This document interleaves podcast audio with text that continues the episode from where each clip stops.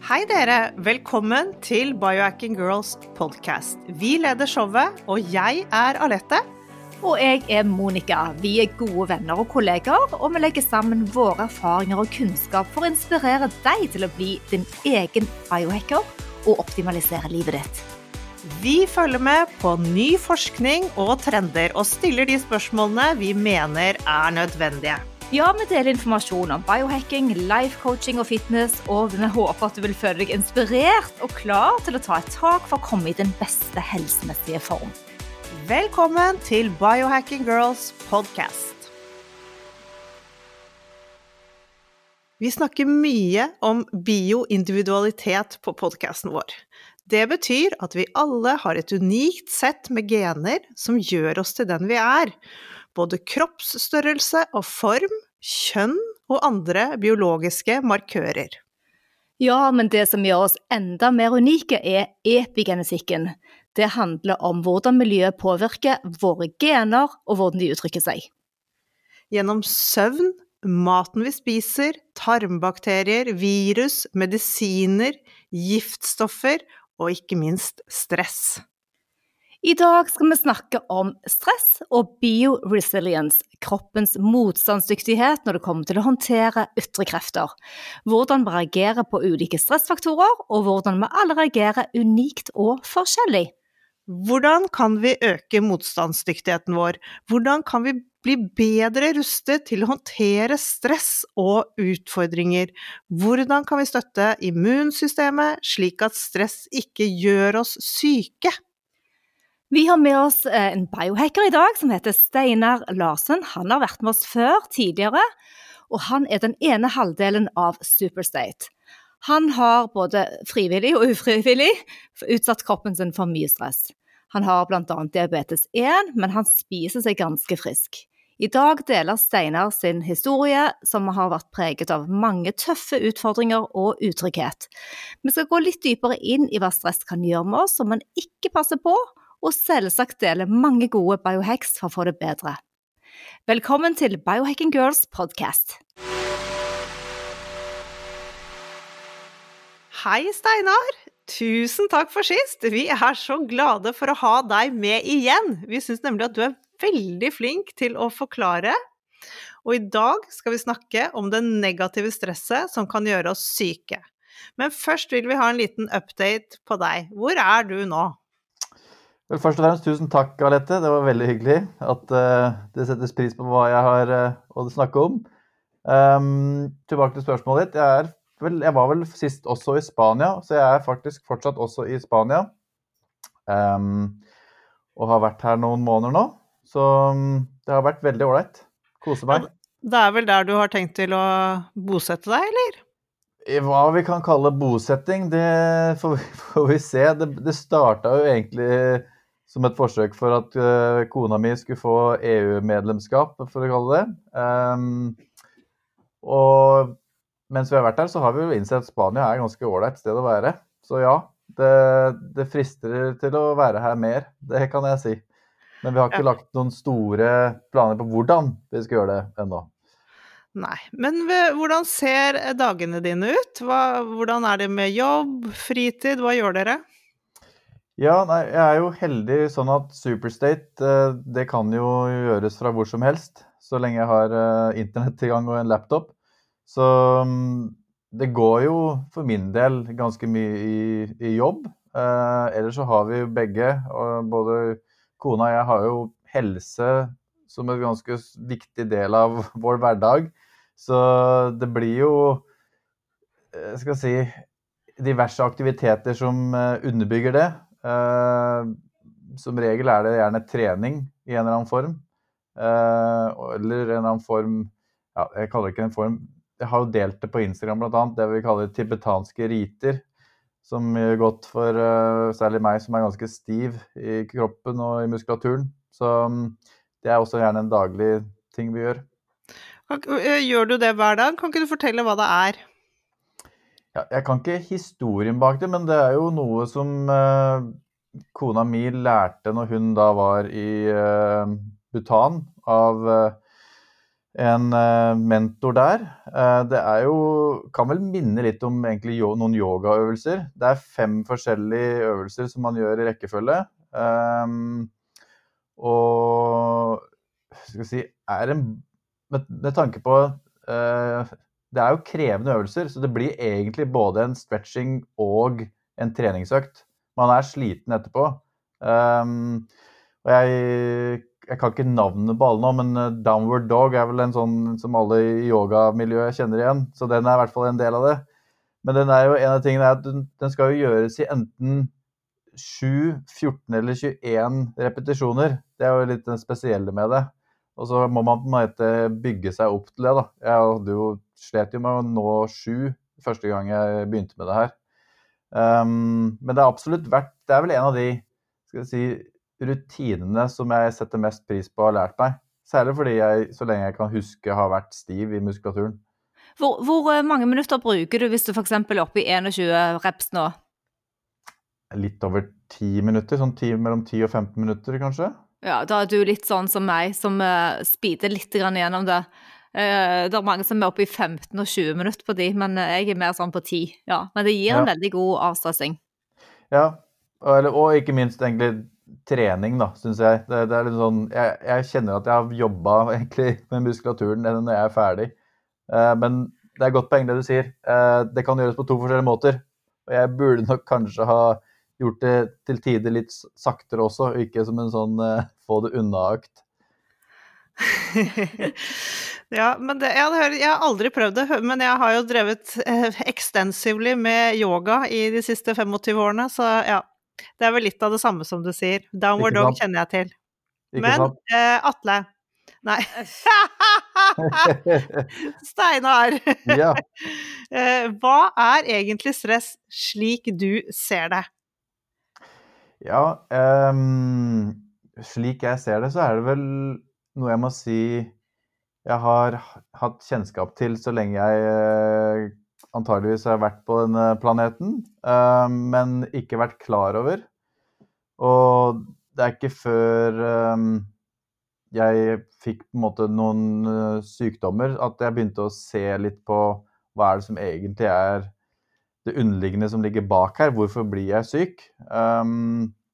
Så det enkle svaret på det du spør om, er vel egentlig jeg, jeg For min del forbinder jeg stress med noe som er negativt. og skal si, har en ødeleggende effekt på kroppen. Mens det fins jo selvfølgelig, når jeg og kona trener, så er jo det et mer positivt stress. Særlig når vi da gir oss tiden til å restituere.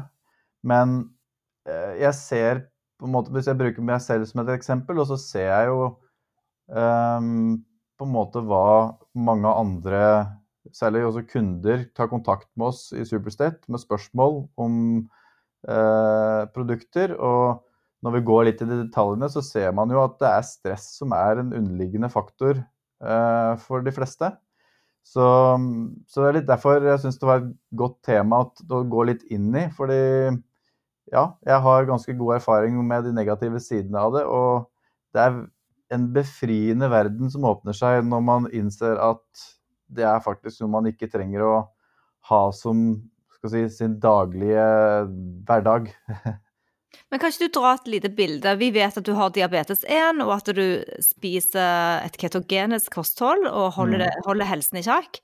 Men kan ikke du ta et lite bilde, gi oss et lite bilde fra barndommen din, eller hva du tror har vært triggeret i ditt voksne liv som kan ha forårsaket stress i underbevisstheten din? Ja, um, det her er jo noe da jeg har sett tilbake, til, sett tilbake på. Uh, etter jeg ble syk. Eh, og da begynner jo ting å bli Da begynner man å se litt, jeg skal si, tegninga. Ehm, jeg hadde Ja, jeg må si hadde en mor eh, som nok hadde sine utfordringer. Så man vet jo nå i dag at selv når man bærer på fosteret, så er jo på en måte den sinnstilstanden som, som mor er i, eh, påvirker jo fosteret allerede da. Um, og, så det hadde en påvirkning.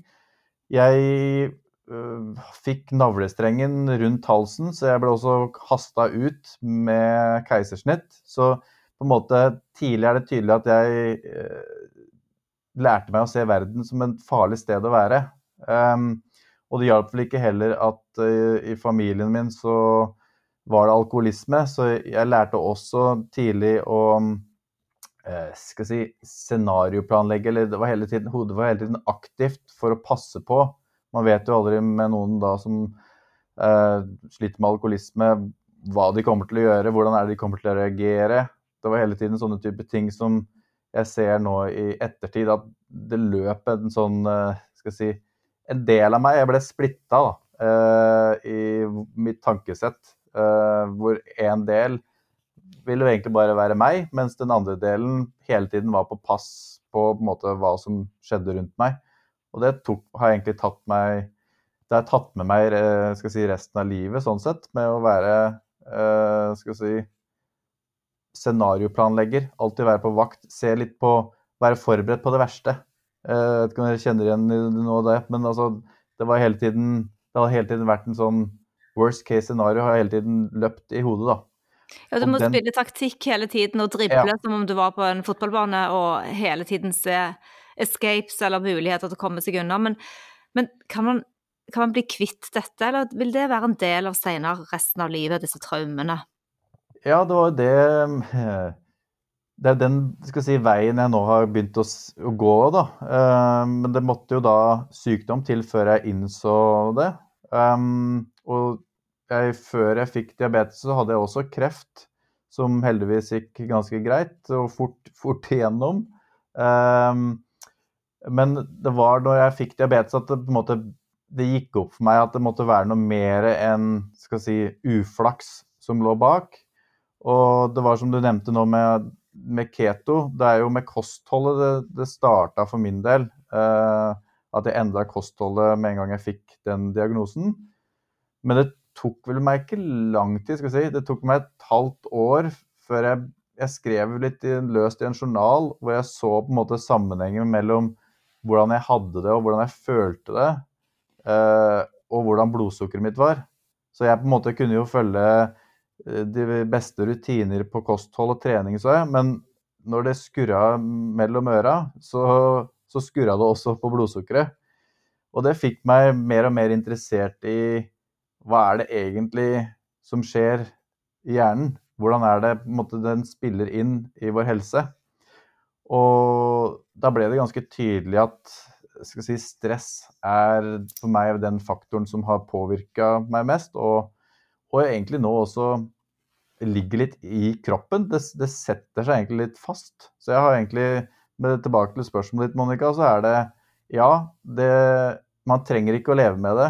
Um, men det krever jo sin innsats, fordi for min del så er det jo noe som har egentlig jeg har lært meg uh, over 40 år. det, er, det, det, er, det, er, ikke gjort over natta, og da jeg skal si, unwind det som man har eh, lært seg, da. Nei, for det, når man lever sånn fra man er barn, så blir jo det normalen. Det blir jo, det blir jo deg. Mm. Eh, så det, det, er jo ja, store prosesser for å komme, komme seg ut av det. Så, så, det var veldig interessant det der med blodsukkeret ditt, at du virkelig kunne lese at ok, her skjer det noe. For da blir man jo også litt interessert i å faktisk ta noen grep og gjøre noe med det. Ja, absolutt. Ja. Så det har på en måte Det starta min, min ferd på en måte se inn mot det, og det har jo vært da, da, har jeg på en måte også blitt kjent med mange sider av meg selv, for å si det sånn. Um, og det er jo det som gjør det litt interessant, fordi helt i begynnelsen når jeg fikk diabetes, så kjenner jeg også meg selv gjerne i hva man kan kalle offerrollen. Eh, hvor egentlig jeg så på verden som at alt bare skjedde mot meg. Det var på en måte Det var verden mot meg. og så eh, lærer man litt. Man leser bøker. Man på en måte bygger opp den forståelsen av egentlig hvordan man kan se på verden. Og det som en av de tingene som har hjulpet meg mest, um, er jo egentlig bare å snu det hele på hodet, og at verden skapes av hver enkelt av oss, og hvordan vi, vi tenker. Og egentlig hvordan vi, vår bevissthet ser på, på, egentlig hvordan verden er. Um, den, for de som er interessert, så kan jeg anbefale å undersøke noe som heter de tre prinsipper, eller three principles, som går inn i det. Og en person jeg setter veldig stor pris på som forklarer det godt, er en coach som heter Michael Neal. Og han har også en podkast som er nyttig, som på en måte gir litt sånn små biter hver uke uh, på hvordan man egentlig kan si, bytte ut de skal si, brillene man bruker til å se verden. For det er egentlig der, litt der det ligger. Man må, man må kvitte seg med det, med det, gamle jeget og lære seg egentlig til å se verden på en ny måte. Og det er ikke alltid like lett. Og det er litt Jeg nevnte offerrolle, men tilknytta det så har vi det her herlige egoet, da. Som eh, skal passe på og sørge for at ting er trygt. Og det å da gjøre store forandringer skal si, i seg selv og sin tenke, tankesett, det, da møter man på en del av seg som helst skal se at det ikke skjer. Hva var, gjorde, det som gjorde, utslaget på at du klarte å gå fra den offerrolleholdningen til en mer sånn aktiv approach til å ta fatt? Var det noe spesielt som skjedde? For meg så jeg ser vel egentlig at det er de der lag på lag. Jeg, fra da jeg fikk diabetes og begynte å søke etter svar, så brukte jeg ganske lang tid på å se etter den derre quick fixen. Den derre ah, Bare jeg får til det her, så, så blir alt ordnings. Um, og den ser jeg nå at den, den fins ikke. Selv, selv hvor, hvor, fantastisk det hadde vært, så, så, handler det jo egentlig bare om en, en, reise hver enkelt av oss gjør, og det å på en måte lære seg selv best å kjenne. Um, så det har egentlig ikke vært en den der ene tingen, men det har vært en Skal si Jeg har vokst til å bli meg selv, hvis det gir mening. Det å, å både kvitte seg med gamle, unødvendige tankesett til å sette pris på hvem jeg er, egentlig. For det, det, det handler jo egentlig litt om uh, å være glad i seg selv. Mm. For jeg syns veldig ofte det der å bare, bare, klare å definere det Oi, dette er faktisk stress. Og mm. da har i hvert fall jeg kommet langt. Uh, Istedenfor å bare gå rundt sånn og surre og ikke skjønne helt hva det er, men liksom sette en fot i bakken og Nei, dette er faktisk negativ stress for meg, dette må jeg gjøre noe med. Og det, det er jo som du sier, det er jo å øve og øve og, og, og komme tilbake til det hele tiden. Og dette med å også eh, andre mennesker som du føler at påfører deg ting. Nei, det er kun du som er kontroll over eh, hvordan du vil oppleve det stresset. Du kan, uansett hvordan du har vokst opp, hvordan, du, hvordan, ting har skjedd, så er det deg her og nå som må deale med det og gjøre noe med det. Mm. Og det er jo en skummel tanke, eller en skummel realisering, samtidig som det er en veldig befriende. Og det er den det er det når, man, når jeg kjenner at den har vippa over til å være den befriende delen, det er da det hele åpna seg opp for min del. Um, så, så, for de som lytter jeg, jeg, tenker nå hvordan er det jeg skulle sagt det her til Steinar for ti år siden? Uh, og det er, det er ikke et enkelt svar, men det er egentlig fortsett å fortsette å være nysgjerrig og bli kjent med deg selv. For det er litt sånn det du var inne på nå, dette er den der muligheten til å stoppe seg selv i tankene. Har vært, det har vært en av de store tingene. Man får ikke gjort så veldig mye man, hvis man ikke blir klar over at Oi, det her er jo stress. Mm. Den tanken jeg har i hodet nå, er jo, gagner meg jo ikke i det hele tatt. Da først, når man blir klar over den, kan man jo snu retning. Og man har jo fri vilje, så da kan man jo tenke noe annet, da. Eller til og med ikke tenke noe i det hele tatt. Men butikken din, du og Atle, siden Alette hadde en Freudian slip hos Atle, så skulle hun kanskje ønske at han òg var på podden vår i dag. Vi har, vi har, jo bare hatt eh, deg på podden. Men butikken heter Superstate. Har, har det vært en sånn underliggende tanke rundt det å finne sin beste flow, sin beste form, når dere har laget den, både butikken og brandet? Ja, nå skulle jeg ha forberedt meg litt bedre, for det der er noe jeg faktisk har til gode å, å dele. Eh, Superstate, det ligger jo litt i navnet, men det kommer egentlig fra kvantefysikk. Eh, og er egentlig en annen måte å si noe som de kaller det er superposition. Um, og en superposition er egentlig noe de vel ser er at uh, skal si atomer er, er, i alle på en måte mulige tilstander. Det, I en hvilken som helst uh, skal si Akkurat nå så har du muligheten til å være alt. Men så er det din bevissthet som setter på en måte retning på hva du ønsker å være. Så vi er på en måte alt, men det er vi som bestemmer hva vi ønsker å være. Og dermed ønsker vi at alle skal finne sin superstate, for det er vel egentlig det beste å være den beste versjonen av seg selv. Og gripe den. Det, det er sånn En venninne for lang tid siden hun eh, handla om å ta, ta, take action. Så ga hun meg en penn. Uh, ta den, sier hun. Og da kan jeg enten ta pennen og gripe den og gjøre noe, eller så bare si ja. Så det handler vel om å ta action òg, uh, når man skal finne sin egen uh, beste form. Men du, vi snakker litt om disse traumene, eller de holdt på å si Uh, ikke selvpåførte stressfaktorene som du har vært utsatt for, som vi alle har vært utsatt for. Og jeg syns det er så bra at du deler, Steinar, som mann òg, og så sier og tør å være sårbar. Vi har mange av de som vi ikke har egentlig kunnet kontrollere, men så er det veldig mange stressfaktorer i samfunnet vårt. Vi er veldig i det sympatiske nervesystemet vårt, mm. med mobilbruk, med ja, 5G, med deadlines, med covid og krig og svarte nyhetsoverskrifter og oversikter. Så vi blir ganske gående av. Hva tenker du i forhold til stress og håndtering av de tingene som man på en måte ikke alltid ser, eller som man ikke kan styre? Ja, det er, det er et godt poeng og et godt spørsmål. Um, det, ser man tilbake på de to siste årene, så har det jo vært, det jo vært helt utrolig. Kan, det er egentlig ikke som man kan tro det er sant. Um, og jeg ser uh, jeg, jeg, litt, jeg, føler at jeg er heldig som har måte, da vært så lenge på min ferd at uh, jeg klarte å unngå å hoppe helt ned i spiralen som jeg syns media prøver å skape. Og jeg tar meg Hvis jeg skal bruke meg selv som et eksempel, så det er ikke på en måte at jeg er immun for det som skjer. Og jeg har også litt likt, eller litt som du var inne på, Alette, med å plukke opp stress. Jeg har, har merka meg, eller legger merke til når jeg bruker telefonen på dårlige måter.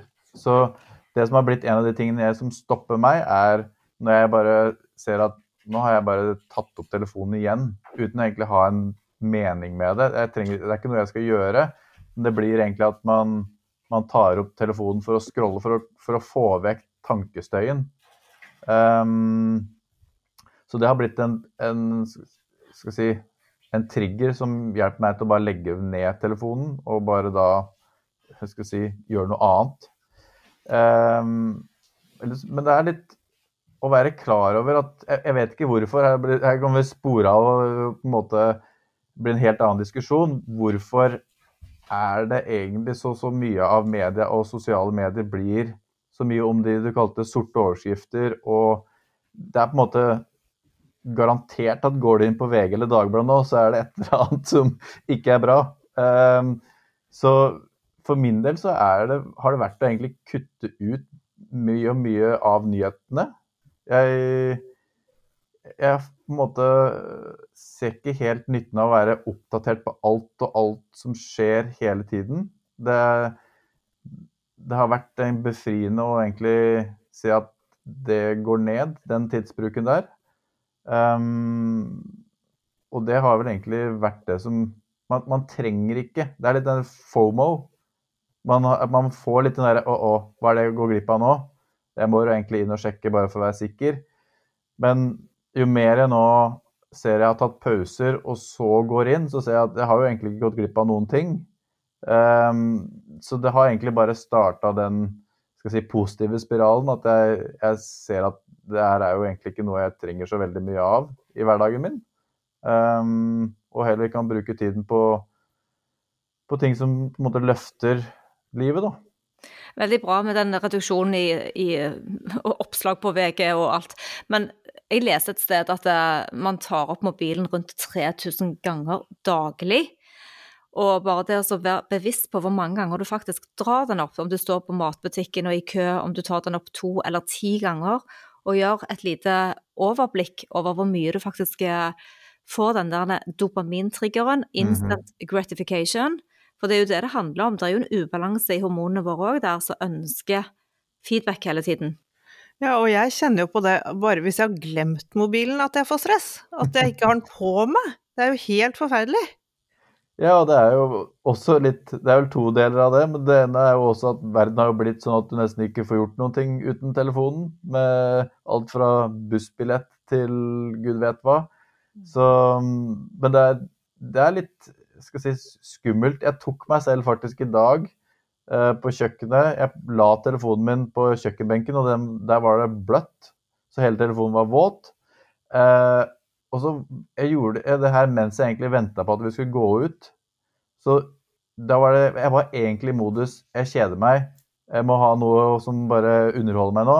Så selv om det var da en stor, bløt flekk som jeg burde tørke opp, så tok jeg meg i tanken at jeg egentlig ville bare gå inn og se på et eller annet på telefonen, istedenfor å bare gjøre det rent på kjøkkenet. Og det er litt sånn jeg tok meg i det, så bare Hva er det jeg driver med nå? Det, det er på en måte telefon først, og på en måte Man er egentlig har blitt avhengig av det dopaminrushet, da. Og det Ja. Og så har vi mat, da. Eh, jeg kom akkurat hjem fra London, og det var liksom ikke ett sted som ikke hadde brukt vegetabilske oljer. Altså det var sånn, Du måtte legge inn en disclaimer på at du har superallergi, at du ville stryke mer om du fikk vegetabilske oljer. Det var den eneste måten jeg kunne spise på. Så jeg måtte på en måte lyve meg til en god dish her og der, for det, det, er helt sant. Uh, og tenk deg det, da. Hvis dette er den nye normalen, at vi får i oss så mye inflammatorisk mat som gjør at kroppene våre blir syke, så det er jo det et stress du heller ikke kontrollerer, ikke sant? Mm. Med mindre du tar uh, og går til grepet. Hva gjør du når du er ute og reiser? For du er jo òg mye ute og reiser. Du møter sikkert samme utfordringer som jeg har lett til. Ja, um, det blir uh, skal si, Når jeg er ute og reiser, så er vi heldige og har um, ofte steder med kjøkken. Så det blir at man Jeg, jeg alltid trives best når jeg lager maten selv. Fordi det blir enkle råvarer, og så sant de er gode, så syns jeg det faktisk smaker best. Um, utenom det så blir det at skal si, restaurantbesøkene blir litt sånn de utskeielsesdagene. Og da da måtte tar man den på den delen. Uh, jeg er ikke Da jeg begynte min livsstilsendring med særlig kosthold, så var jeg superstrikt. Det var, det, det var ikke, ikke, måte på. Og jeg, jeg, ser sånn i ettertid at det var ikke det sunneste heller. Um, så på en måte nå er jeg mer, litt mer rund i kantene og kan tillate meg skal si, en smake på nanbrødet når jeg er på indisk restaurant f.eks. Um, men det er jo noe jeg, jeg prøver å unngå generelt egentlig med å spise ute. Og så må man heller gjøre god research på hva slags type restaurant er det. Um, men det er ikke lett, for du vet ikke hva som egentlig Hva er det de egentlig bruker når de Det er litt sånn jeg, en, Et sånt eksempel er jo når du er på hotell, så er jo det digg å gå ned og spise frokost. Eh, og en av tingene når man er på keto, så er det jo eh, Egg er jo noe av det enkleste som man kan da spise. Men så blir man, når man blir bevisst på de tingene du nå tar opp, så er det OK For det første så ser du at noen ganger så er den eggerøra bare lagd med pulver. Det er jo ganske lett å spotte. Nummer to så ser man jo når, man, når det faktisk står kanskje en kokk og lager noe for deg, så ser du at de spruter jo på olje. Så det er, ikke, det er ikke mye smør som brukes der.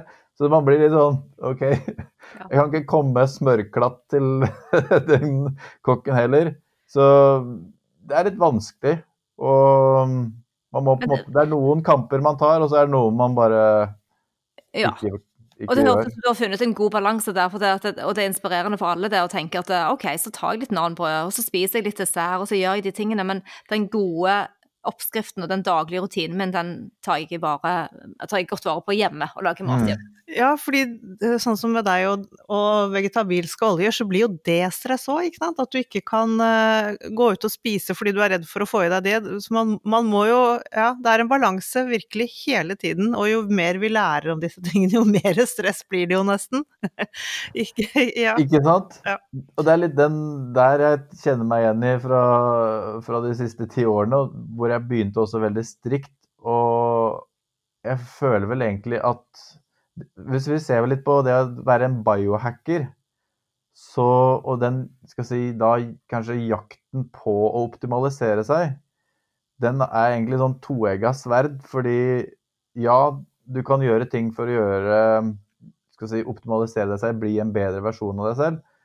Men hvis du gjør det med, med, med under si, tegnet stress, så jobber du egentlig bare mot deg selv. Og mye av de siste ti årene for min del har egentlig vært med det fortegnet. Jeg har på en måte villet optimalisere meg. Jeg har sett etter løsninger. Jeg har alt fra behandlere til bøker til YouTube-videoer osv. Men det har vært den der underliggende og herregud, hvis ikke jeg får til det her nå, eller hvis ikke det her løser problemet mitt, så da er det jo over ut. Det her må funke. Um, og da har det på en måte bare ødelagt skal si, på det jeg gjør, da.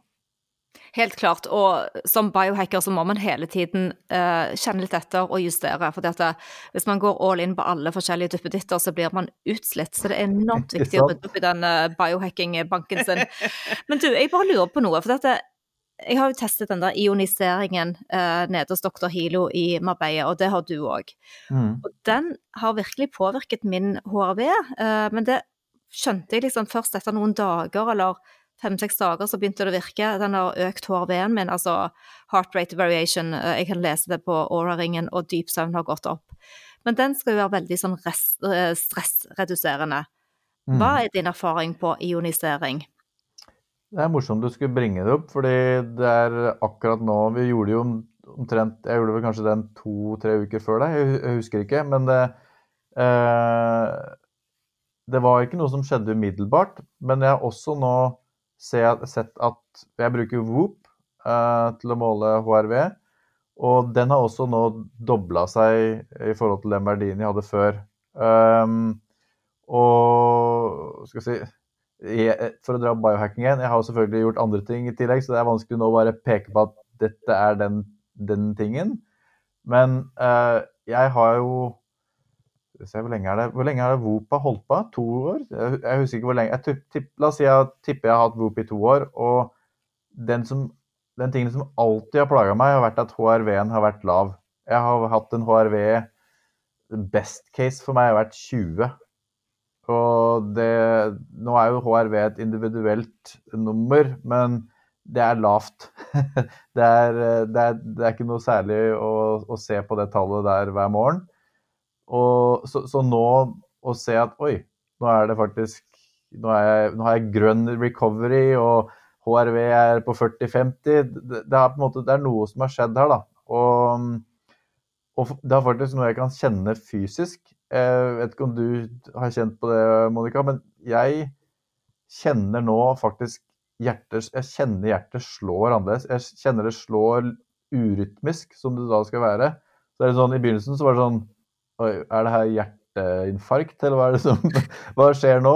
Fordi det, det har aldri hatt, jeg har aldri hatt den følelsen. Hjertet mitt har sikkert slått som en vært i militæret og bare vært bang, bang, bang, bang.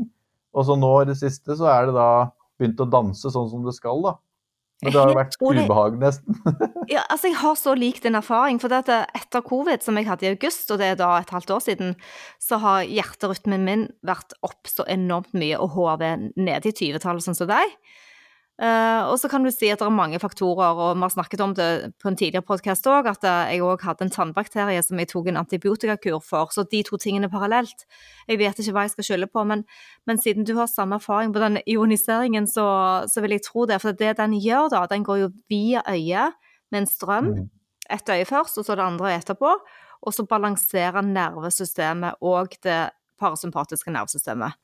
Så det betyr jo egentlig at uh, du kommer i balanse, og når det parasympatiske nervesystemet er mer balansert, så vil jo òg HV-en øke, og mm. hjertefrekvensen går ned. Ja. Har du gjort det én gang? Ja. Så det er jo ganske utrolig òg. Det er på en måte Det er jo faktisk ser kan være den derre den quick fixen som jeg snakka om, som jeg egentlig ikke eh, Jeg tror fortsatt du trenger å gjøre andre ting, men det, det, det ser veldig lovende ut eh, med den type behandling. og jeg, jeg delte jo det på Superstate sine sosiale medier. Jeg, har, jeg vet ikke om du har sett noe i Norge, men jeg har, jeg har ikke funnet noe, noen som gjør det her. Eh, Nei, vi skal definitivt legge link under, og Alette, du får komme og prøve du òg. Jeg skal til Marbella og prøve dette, det er helt klart. ja. Ja, nei, det er Skal vi gå litt inn i supplementverden? For det er jo mye vi kan si om stress og uh, ting man kan øh, Ja. Skal, skal vi ikke skremme lytterne litt først og si hva stresset kan føre til Ok. av sykdommer? Ja? Alette, typisk deg. La oss gjøre det. Hva skjer hvis man blir altfor stresset? Hva skjer Hva skjer i kroppen? Nei, jeg kan jo bruke, da må jeg bruke meg selv som eksempel. Det er jeg kan ikke si det her for sikkert, men jeg ser jo nå tilbake på de sykdommene jeg har vært igjennom. Kreft, diabetes. Jeg har også skoliose, som er en, en slags skal si, ryggvirvel som er eh, litt ute av Den er ikke rett, for å si det sånn. Um, så alt det der går tilbake til egentlig stress eh, på kroppen. Og det fins jo også interessant forskning nå i forhold til diabetes type 1 at um, det ikke nødvendigvis er insulinmangel som er problemet, men det er for mye kortisol i kroppen. Så da åpner jo det opp for at egentlig diabetes type 1 kan være like mye, eller om ikke stress Det er faktisk skapt av stress. Eh, og, og særlig når man ser hvor mange som får diabetes type 1 nå i, mens man er, altså når man er eldre. Um, da har man på en måte Da har man ikke så mye nødvendigvis gener å skylde på lenger. Da er vi tilbake til epigenetikk og, og hvordan egentlig genene trigges av hva man så enkelt kan kalle miljøet, da. Eh, som i stor grad handler om hvordan man ser på verden, som vi var litt inne på. Er, hvordan er det tankene dine er om hvordan verden er. Så, så ja, det, det, det fører til sykdom, det fører, men det fører også til så enkle ting som Man kjenner jo på kroppen. Man kjenner jo på, for min del, vond rygg. Eh, før Jeg husker hvordan jeg var jeg, egentlig, jeg var så stressa at jeg kunne gå og være sånn klam i hånda. Altså jeg, jeg holdt egentlig fast i noe uten å holde fast i noe. uh, og det er klart, det her er jo ikke, er jo ikke bra for, uh, for kroppen. Og um, igjen så er det vel kanskje noen som kjenner seg litt igjen med uh, Du var inne på mat, Monica. Men altså, er man stressa, man sover dårligere, man blir mer fysen, så da starter jo plutselig de dårlige matvalgene, og så spiller den jo egentlig ting ganske fort ut på sida. Gang, ja. Men hva kan, man, hva kan man gjøre? Hva, kan, hva, har du, hva har du gjort, og hva, Ja. hva, hva kan man gjøre? For jeg vet Jeg du har prøvd, testet mye nå. Jeg vil ta, det er todelt. Uh, ene er det vi har vært inne på. Det er på en måte hva man Hvis man ser på seg selv som den som er sjefen over sitt eget liv, så starter der, og så er det å bli bevisst sine egne tanker og klare å stoppe seg mm, skal si, det tankerushet. Det hamsterwheelet når man bare begynner å spinne av gårde. Ellers så er det jo heldigvis ting man kan få skal si, Jeg kaller det da mer ekstern hjelp av. Da er det um, den eh, ionterapien som er jo en ting som jeg har vært inne på. Um, noe jeg har testa som jeg selv ikke har fått den beste effekten av, men som jeg, det fins ufattelig mange gode skal si, både studier på det og brukererfaringer. og Det er noe som heter kort for kort EFT, eller Emotional Freedom Technique.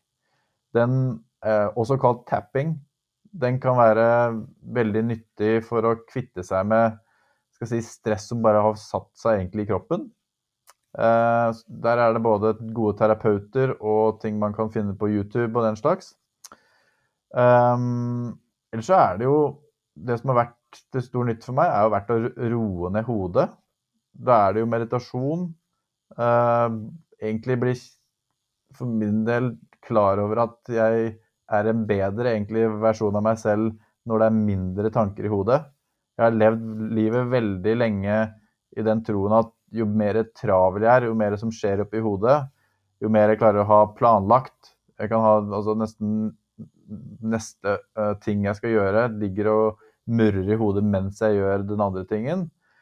Det å på en måte ha stoppa den og sett at less is more, jo mindre tanker jeg har, jo mer fokusert jeg er på den ene tingen jeg gjør, jo bedre er jeg, og jo bedre resultat, jo fortere blir det gjort, osv. Eh, og da er man litt inne på hvordan er det man kan få mindre tanker i hodet. Og da er det jo også ting på tilskuddsverdenen som man kan teste ut. Um, ashwaganda er jo én ting. Uh, den hjelper på å finne skal si, roen. Magnesium er jo en skal si, nøkkelbrikke i alt. Uh, ja. Jeg bare tenker Før du går videre til Kan vi ikke bare dvele litt med ashwaganda? For det er jo ja. uh, hva, hva, er din erfaring, eller hvor mye bruker du av den når du først uh, tar den? Akkurat nå så Nå har jeg faktisk ikke gjort den tilgjengelig til salg på Superstate, men jeg har testa Apothecary sin pulverform. Så jeg, jeg, tar Jeg har egentlig bare tatt um, si, minstedosen. Og, og, opplever vel egentlig bare med det en, ja, det er en halv teskje. Jeg opplever egentlig bare en slags skal si ro.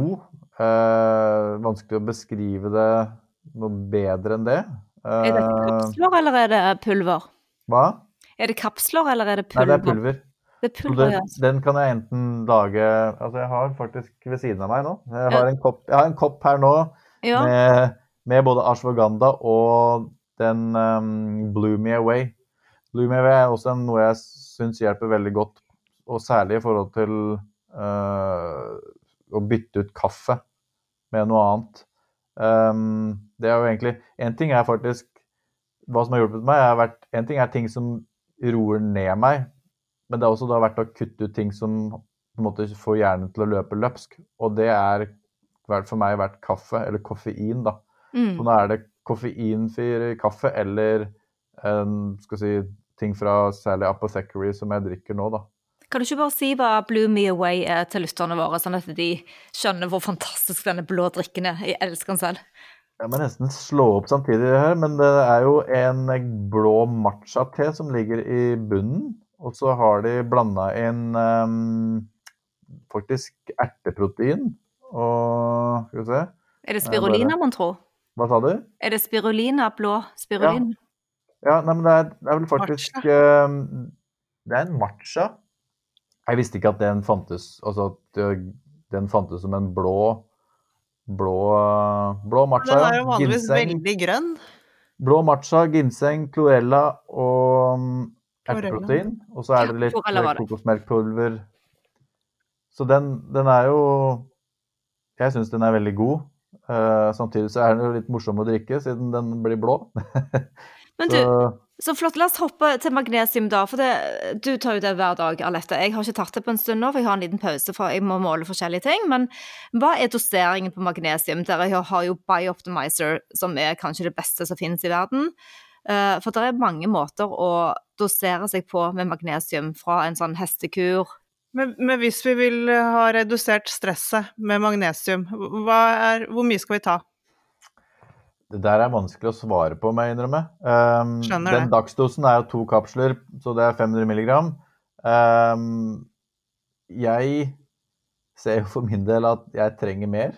Jeg har gjort mine ting for å forbedre både kropp og helse og alt, men jeg kvitter meg med mer magnesium enn det jeg bør. Så jeg, må, jeg ser at jeg fungerer bedre når jeg fordobler den dosen. Uh, så det blir på en måte eh, to kapsler på morgen og to kapsler før sengetid. Um, så, så, så det, det, bruker jeg. Ellers så er jo Symbiotika har den magnesiumolja eller magnesiumsprayen som jeg også bruker på kvelden. Ja, den er veldig bra. Den har en deilig lavendelduft. Så, så, det blir på en måte å tilføre på forskjellige måter. Um, det, så det blir veldig uh, skal si personlig, eller individuelt, var det jeg skulle si. Og, og jeg, jeg kan, Vi kan bruke to minutter på noe vi nevnte når vi nevnte Hilu. vi, Eller jeg var jo der for å En ting var å teste ut den ionterapien, men det andre var jo for å ta en celleprøve. Jeg var jo nysgjerrig på hva, hvordan ståa er med tanke på alt jeg har vært igjennom av sykdom. Og selv om jeg gjør mine grep, så fikk jeg jo en ganske nedslående beskjed om at jeg skal si på innsiden er 15 år eldre enn det jeg eh, faktisk er. Steinar, da. Ikke sant? Så vi var inne på hva gjør stress med kroppen? Der har du egentlig et ganske tydelig svar. Og jeg håper den for andre som kjenner på at de er stressa, nå skjønner at det her er ikke noe som du bare skal overse. Men jo fortere du tar grep, jo bedre. Det er eh, det får alvorlige konsekvenser. Så, så, for min del så er da magnesium en av de tingene som jeg tar ekstra nå for å på en måte skal si øh, Feil å kalle det. Vi, vi sier resette, da. Altså for å hjelpe meg nå til å ikke bli 15 år eldre enn det jeg egentlig er. Men så kan du også, altså det, det, som er vanskelig her for alle sammen, det er jo å vite hva du har av nivåene dine på mineraler og vitaminer i kroppen fra før av. For det er sånn som så kalsium, det hemmer jo absorpsjon, absorpsjonen av både magnesium og jern. ikke sant? Mm. Uh, så det er, nok, det er, ikke nok å bare ta tilskuddene, men du må passe på at du ikke tar tilskudd som ødelegger for hverandre. Så derfor er det veldig fint med en sånn blodanalyse som du gjorde. Ja. Har du ja, det er litt, uh, Hva er det dere deler på Instagrammen deres noen ganger? Uh, If you can't Track it? Track, yep. you can't hack it. Hack it. Ja, den kan du. Veldig bra. Hva andre ting har du da? Eh, skal vi se. Um, en ting som jeg har testa som ikke er så lett å få tak i i Norge Jo, det har det vel faktisk kanskje nå. CBD. Hvordan er ståa ja, det, det begynner vel, å, begynner vel å bli tillatt her også. Ja, så den, det har jeg testa litt, fordi ja, se hvordan det kan roe, roe meg ned. Men personlig så er det, ikke der, det er ikke den som er den jeg ville plassert høyest heller på lista. Um, jeg ser mer nytte i sånn som magnesium. Um, og elektrolytter elektrolytter, det, det, inkluderer jo um, magnesium. Men jeg bruker jo element daglig. Jeg drikker Element daglig. Um, og vi var, for å gå tilbake til HRV, så før faktisk jeg var og tok ionterapien med Hilu, så så jeg jo at de dagene jeg drakk større mengder med det, uh, fire-fem poser, så var HRV-en min bedre. Så, så, det er helt tydelig at det å tilføre elektrolytter, det er i hvert fall for meg veldig viktig. Um, og en, er utslagsgivende på, på, stress, og det ser man da gjennom HRV-en. Um, ehm, ellers så en ting uh, som jeg testa litt, um, som man kan se litt på selv i hvilken grad hvor store doser man ønsker, men L-theanin, L-theanin er jo noe jeg ser har en ganske interessant si, effekt på det er vel det nærmeste jeg ser i Nå tok jeg sist, så prøvde jeg 600 milligram. Og da var jeg på en måte i en sånn flyt. Den skal jo trigge alfa hjernesvingninger. Og det er vel noe av det skal si, den, den, enkleste måten jeg har oppnådd en state på i hjernen som bare er sånn ro, uh, samtidig som at jeg er til stede, da. Um, tar du den før du legger deg, da? L-ternin? Faktisk sist nå så tok jeg det fordi eh, vi hadde gått tom for koffeinfri kaffe, og jeg tok den sammen med da vanlig kaffe eh, for å skal si smoothe ut eh, koffeinet. Ja, det er et veldig det, kjent biohack. Mm. Ikke sant. Så, så, det gjorde at jeg egentlig eh, fire timer bare var i en sånn ganske behagelig tilstand som ikke var det er ikke stressrelatert, men fortsatt helt til stede og kunne gjøre hva som, hva som, helst. Så det var egentlig sånn Det er vel noe av det enkleste En sånn, sånn startpunkt for de som kjenner litt på stress. Og der er jo faktisk eh, Kiro Brains har jo vært, jo på en måte vært eh, tidlig ute der også med De lager jo da det MCT-pulveret som bl.a. har L-tinin og, og GABA også i seg, som jo som støtter det her. Så det kan jo også være noe for folk å, å teste ut. Altså Keto Brains har vært med meg på hele London-turen min, og med meg sist jeg var i Berlin òg. fordi at den tar jeg på sånne små bokser, og da kan du drikke det som er varmt. Eh, jeg drikker ikke kaffe da akkurat nå, men eh, Og så har du alltid en creamer, sånn, så den Mm. er, og, som du sier, har L-ternin og GABA og MCT, så den er helt perfekt. Og så smaker den jo helt himmelsk. Det er jo sant? Ja. Det er det. Den, eh, den løfter liksom det, hva enn du blander den ut i. Så Men hva med denne adrenal tonicen, kan du ikke fortelle litt om den? Ja, den, en, en annen ting jeg har testa, er eh, Symbiotika har jo ganske mye spennende produkter, må jeg si. Eh, Det er gøy at vi, vi fikk de inn til Norge. Og en av de tingene som jeg også har testa, det er den eh, Adrenaline Supertonic, som det så fint heter. Eh, den Altså når vi snakker om Jeg nevnte CBD. Den syns jeg altså Supertonic syns jeg med en gang jeg drikker, tar den i munnen, så gir den meg den kanskje den roen jeg hadde trodd jeg skulle få av f.eks. CBD. Men jeg syns faktisk den fungerer bedre. Eh, det, det er et eller annet det bare uh, si Det blir på en måte send som noen dråper. Um, så den, den er jeg blitt veldig glad i. Men når, når tar du den? Er det, er det, det også på kvelden, eller? Den tar jeg på Jeg tar den på morgenen. Den tar du på jeg, morgenen. eh, det er mye man kan ta så på en måte, Jeg føler vel for min del at søvnen har jeg klart å mm, skal si, finne ut hvordan jeg mm, får oppnådd best på. Eh, Det er magnesium for min del og, og litt grann melatonin som gjør at jeg blir borte hele natta. Du, nå, skal skal Lette få smake litt på ah, ja. tonic, Ja. for den har jeg begynt er bruke. jeg spent på hvordan du tenker, tenker om den smaken. Hva se hva du syns. Den er litt sterk i munnen, men det er Den var god. eteriske oljer. Ja. Den smakte jo helt nydelig. Jeg må hjem og bestille. Ja, det må bestille. Men du, hva med, hva med Jeg vet at du har testet cava. Og cava er jo da en sånn kultur, en gammel kulturplante kulturplante fra Stillehavet. Ikke sant? Hva, eh, kan du si litt om cava? Det er jo fremdeles ulovlig i Norge. Ja, jeg, det er noe jeg faktisk testa for ganske lenge siden. Litt i den derre um, Det forsøket på Det her er noen år tilbake hvor jeg var Nå skal jeg finne den quick-fixen. Og det her Mm. er jo noe som virker veldig lovende. Um, da jeg tok det, så må jeg innrømme at jeg tror jeg var fortsatt så langt ute på fjæra med ting som, var, som jeg hadde behov for å rett og slett få tilbake i balanse. Så det, det ga ikke meg det, det løftet jeg hadde håpet på at det skulle gjøre, eller den, den endringen. Um, men jeg, vi følger ganske spent med både i forhold til å, at Norge tillater å få det inn, samtidig som jeg syns det er mer spennende nesten det som jeg ser blir produsert da i USA i forhold til de drikkbare cava-drikkene. Eh, sånn som True Cava. Det, det har jeg lyst på å få inn.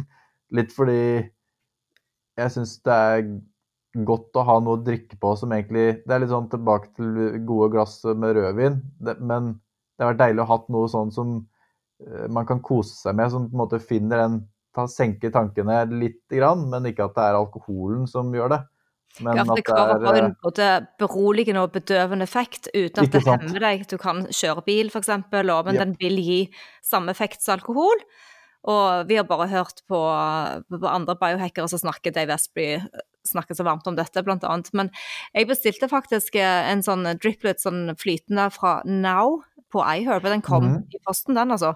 Den ble Ja. ikke stoppet i tollen, men det tror jeg fordi at eh, De visste ikke bedre. Nei, eh, det som makka for eh, syv år siden som var forbudt i Norge, så det tar bare litt tid. Så, og så er det en veldig god te fra Yogi Tea eh, med kava i, som òg er veldig beroligende på kvelden. Stemmer. Ja. så du, du, hvordan er din erfaring? Jo, altså, jeg har ikke kjent noe særlig. Den teen, hvis jeg tar to poser, så blir jeg ganske søvnig. Ja. Jeg måtte bare prøve det for å se om den virker. Det er ikke den du starter dagen med, med andre ord? Ja, ikke start dagen med den. Men det skal ha sånn beroligende effekt utover dagen òg. Men du Steinar, dette var veldig spennende. Er det noe nytt som kommer, som vi kan glede oss til på Superstate? Eh, ja, hvis vi er inne på det her, så mm, jeg vet jo bl.a. at uh, BioOptimizers de har jo et annet brand som de kaller Nutopia.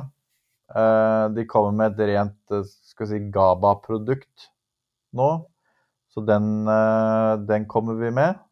Um, ellers så prøver vi oss, håper jeg, på peptider.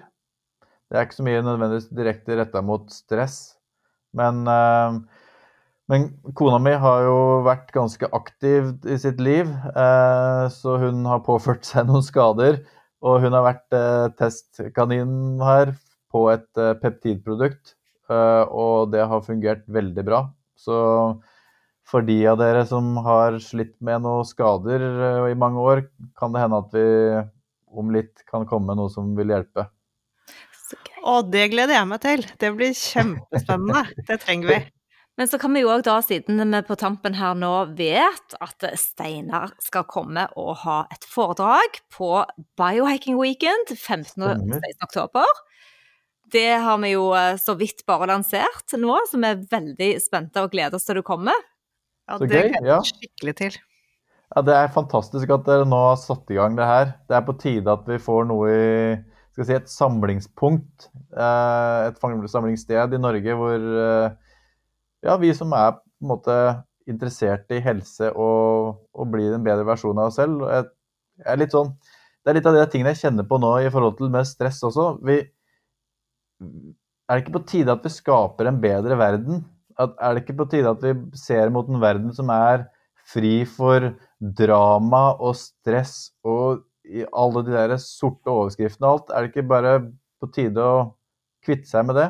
Og det er akkurat det det er, og det er det, det er det, vi ønsker. Nå må vi bare samle oss og bare Ja, let's do it. Men eh, Steinar, tusen, tusen takk. Dette har vært kjempe, kjempegøy. Og helt på tampen nå så må vi bare høre, er det noe nytt på tallerkenen din, en keto-tallerkenen din, noe som kan inspirere oss? Noen nye oppskrifter eller et eller annet sånt? Oi, oi, oi. Um, jeg jeg kan si til de av dere som begynner med keto, at det, man lærer seg til stort sett fort fem oppskrifter eller noe sånt som går igjen. så det blir Det har ikke vært sånn voldsomt mye um, nytt. Det må den, den, som ikke har måte, prøvd det nå, er jo altså Vinneren her, kona er amerikansk. Vafler, det er fantastiske greier. Så det de gangene måte vi jeg, jeg, legger litt ekstra tid på kjøkkenet, så er det å lage ketovafler. Ehm, det er vel den som alltid er en vinner.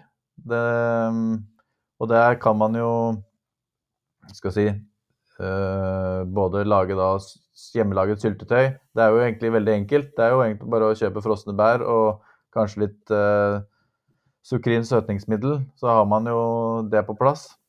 Um, ellers, skal vi si det jeg, jeg var vel egentlig, Hvis vi er inne på keto, så jeg vil bare oppmuntre så godt jeg kan til å se på rene råvarer. Eh, kjøp det du kan av Hvis det er kjøtt, kjøp hvis du finner økologisk eller gressfòra er vel kanskje vanskelig å finne en betegnelse på at, man, at det er i Norge. Men i hvert fall se, søk den beste kvaliteten du finner av råvarene. Eh, og kjenn faktisk at det er en forskjell, for det, man smaker det. Um, det er vel det viktigste jeg vil si, fordi keto har jo blitt populært. Det har jo blitt Altså nå, det har jo ikke blitt en De fleste kjenner til den betegnelsen nå, men dessverre så, så har jo den derre junk-ketoen den har jo på en måte da fått komme inn også. Så selv om man ser på makro som karbohydrater, så kan det se bra ut. Men sjekk for all del ingredienslista, for det er så utrolig mye rart som sniker seg inn nå. Um, og det er noe vi i Supersted i hvert fall er veldig påpasselige med de produktene vi tar inn. Det er ikke sånn som Keto Bars og Keto Bricks. Det er det er faktisk lagd av mat, og ikke syntetiske ting som man ikke skal ha i kroppen. Så det, det er vel den um, det tipset jeg har nå. Eller så kan man jo sjekke ut uh, keto.superstate.no for oppskrifter. Og til og med plukke opp en bok fra to damer som har skrevet. Og der kan du prøve kraftpannekakene våre, for de er skikkelig Det gode. der, ja. Ja, de er veldig gode. tid, ligner litt på en vaffel, bare en variant. Men du, så utrolig spennende og inspirerende, og takk for at du deler historien med oss, Steinar. Det var veldig hyggelig å høre deg igjen. Veldig hyggelig. Kjempebra. Da snakkes vi, og ses snart igjen. Du får ha det bra. Takk i like måte. Ja, du, altså jeg liker ikke så godt smaken på ashwagandha, så jeg foretrekker den i pilleform. Men jeg tar gjerne en kapsel eller en spiseskje hvis jeg må. Elektrolytter, det tar jeg daglig, og jeg digger den varme med sjokolade. Jeg får aldri nok salt, føler jeg. Jeg er helt enig. Og CBD det har jeg hatt veldig god erfaring med. Jeg brukte det en god stund, men ikke nå. For jeg er alltid veldig opptatt av at vi må, vi må ha pauser. Vi kan ikke holde på med ting hele tiden. Magnesium er vel det eneste jeg ikke har pause fra. Det tar jeg daglig. Og jeg er på Steinarsnivå. Jeg tar dobbel dose. Jeg har så vidt begynt å teste Symbioticas Adrenal Supertonic, og nå vet du at den smaker skikkelig godt av eteriske oljer, for det er lavendel, geranium, rose og rosmarin i. Og så Steinar sa, så skal den balansere både humør og Den skal visst òg virke bra for tarmhelse og senke eh, eh, kortisol, så det er stressdempende. Noen av disse supplementene smaker skikkelig godt, og jeg tror at alle de fra Symbiotika gir en følelse av dessert, så her må man virkelig passe på å lese på doseringen, så du ikke tror at det er dessert. Helt riktig. Takk for at dere lytter til podkasten vår. Håper dere har hatt en fin erfaring med Steinar og oss i dag. Happy biohacking!